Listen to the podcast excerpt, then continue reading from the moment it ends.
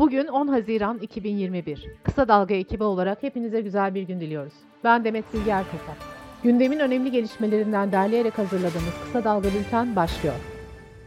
Cumhurbaşkanı Erdoğan partisinin grup toplantısında muhalefete eleştirirken durmadan hep iftira. Neymiş millet açmış. Aç olarak dolaşanları buyurun siz de doyuruverin. Biz ne gerekiyorsa yaptık dedi.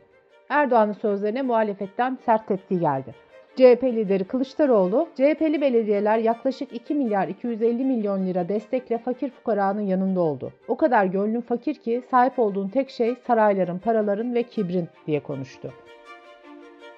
İyi Parti Genel Başkanı Meral Akşener ise senin şirazen artık iyice kaydı. Milletin zor durumuyla alay etmek bir cumhurbaşkanına yakışmaz dedi. Türkiye İşçi Partisi Milletvekili Ahmet Şık kendisini Türkiye Cumhuriyeti katili olsaydı bulunduğu yer meclis değil mezarlık olurdu sözleriyle hedef gösteren MHP Genel Başkanı Bahçeli hakkında suç duyurusunda bulundu.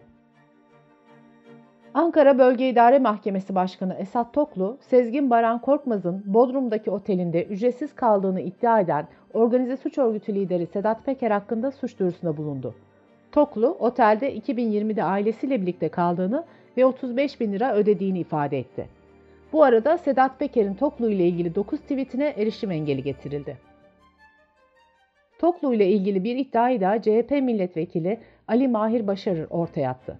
Başarır, Ankara'da mahkemelik olan Togo kulelerini yapan firmanın sahibinin doğum gününe Toklu'nun da gittiğini iddia etti. Başarır, bununla ilgili bir video paylaşarak devletin hakimi müteahhitin ofisine gider mi diye sordu.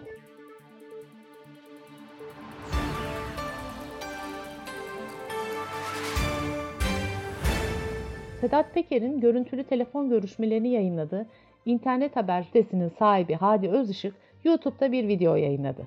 Özışık, gazeteci herkesle konuşur ama mesafeyi korumak şartıyla. Ben bu mesafeyi korumadığım için hatamı kabul ediyorum dedi. Özışık, Süleyman Soylu'dan herhangi bir mesaj götürmüşsem Sedat Peker bu kaydı da yayınlasın diye konuştu. HDP'nin Demirören'in Ziraat Bankası'ndan kullandığı ve geri ödemediği iddia edilen 750 milyon dolarlık kredi ile ilgili araştırma önergesi AKP ve MHP'li vekillerin oylarıyla reddedildi. CHP'nin de mafya devlet ilişkilerinin araştırılması için verdiği önerge yine Cumhur İttifakı ortaklarının oylarıyla reddedildi. Uzun süredir çıktı çıkacak denilen hayvan hakları yasa tasarısı Cumhurbaşkanı Erdoğan'a sunuldu. Teklifte suçüstü yapılan hallerde resen soruşturma açılması, kasten öldürmeye 4, eziyete 3 yıla kadar hapis cezası verilmesi, belediyelere hayvan bakımı için bütçe ayırma zorunluluğu gibi düzenlemeler yer alıyor. Anayasa Mahkemesi, kanun hükmünde kararnamelerle ihraç edilen, haklarında herhangi bir kesinleşmiş ceza olmamasına rağmen avukatlık yapmaları engellenen hukukçularla ilgili hak ihlali kararı verdi. Gazeteci Can Dündar hakkında kırmızı bülten çıkarıldığına yönelik iddialar Interpol yetkilisi tarafından reddedildi. Euronews'te konuşan bir Interpol yetkilisi, Can Dündar ile ilgili kırmızı bülten talebini reddettik. Şu ana kadar yeni talep gelmedi dedi. Covid-19 haberleriyle devam ediyoruz. Sağlık Bakanlığı'nın illere göre haftalık vaka sayısı haritası güncellendi. Son bir haftadaki verilere göre vaka sayısının en çok azaldığı iller Gümüşhane, Bilecik, Bayburt, Kocaeli ve Kırklareli oldu. Sağlık Bakanı Fahrettin Koca, müzisyenlerin, set ekiplerinin, tiyatrocuların ve üniversite personelinin aşı programına alındığını duyurdu. Amerika, aralarında Türkiye'nin de olduğu 110 ülke ve bölgeye seyahat uyarısını gevşetti. Uyarıların gevşetildiği ülkeler arasında Temmuz ayında Tokyo Olimpiyatlarının yapılacağı Japonya'da var. Sırada ekonomi haberleri var. CHP milletvekili Deniz Yavuz Yılmaz, Türkiye Varlık Fonu Genel Müdürü Salim Arda Ermut'un aynı zamanda TÜPRAŞ Yönetim Kurulu üyeliğine atandığını duyurdu.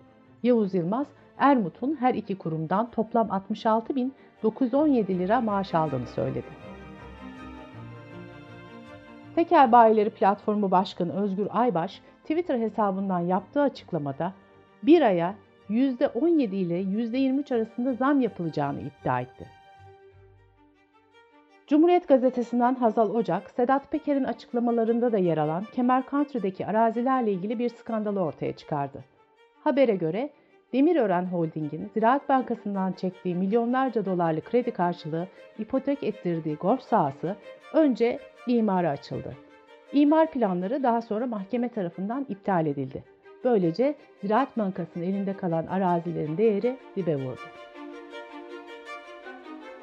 Orta Amerika ülkesi El Salvador, Bitcoin'in yasal ödeme aracı olarak kabul eden ilk ülke oldu.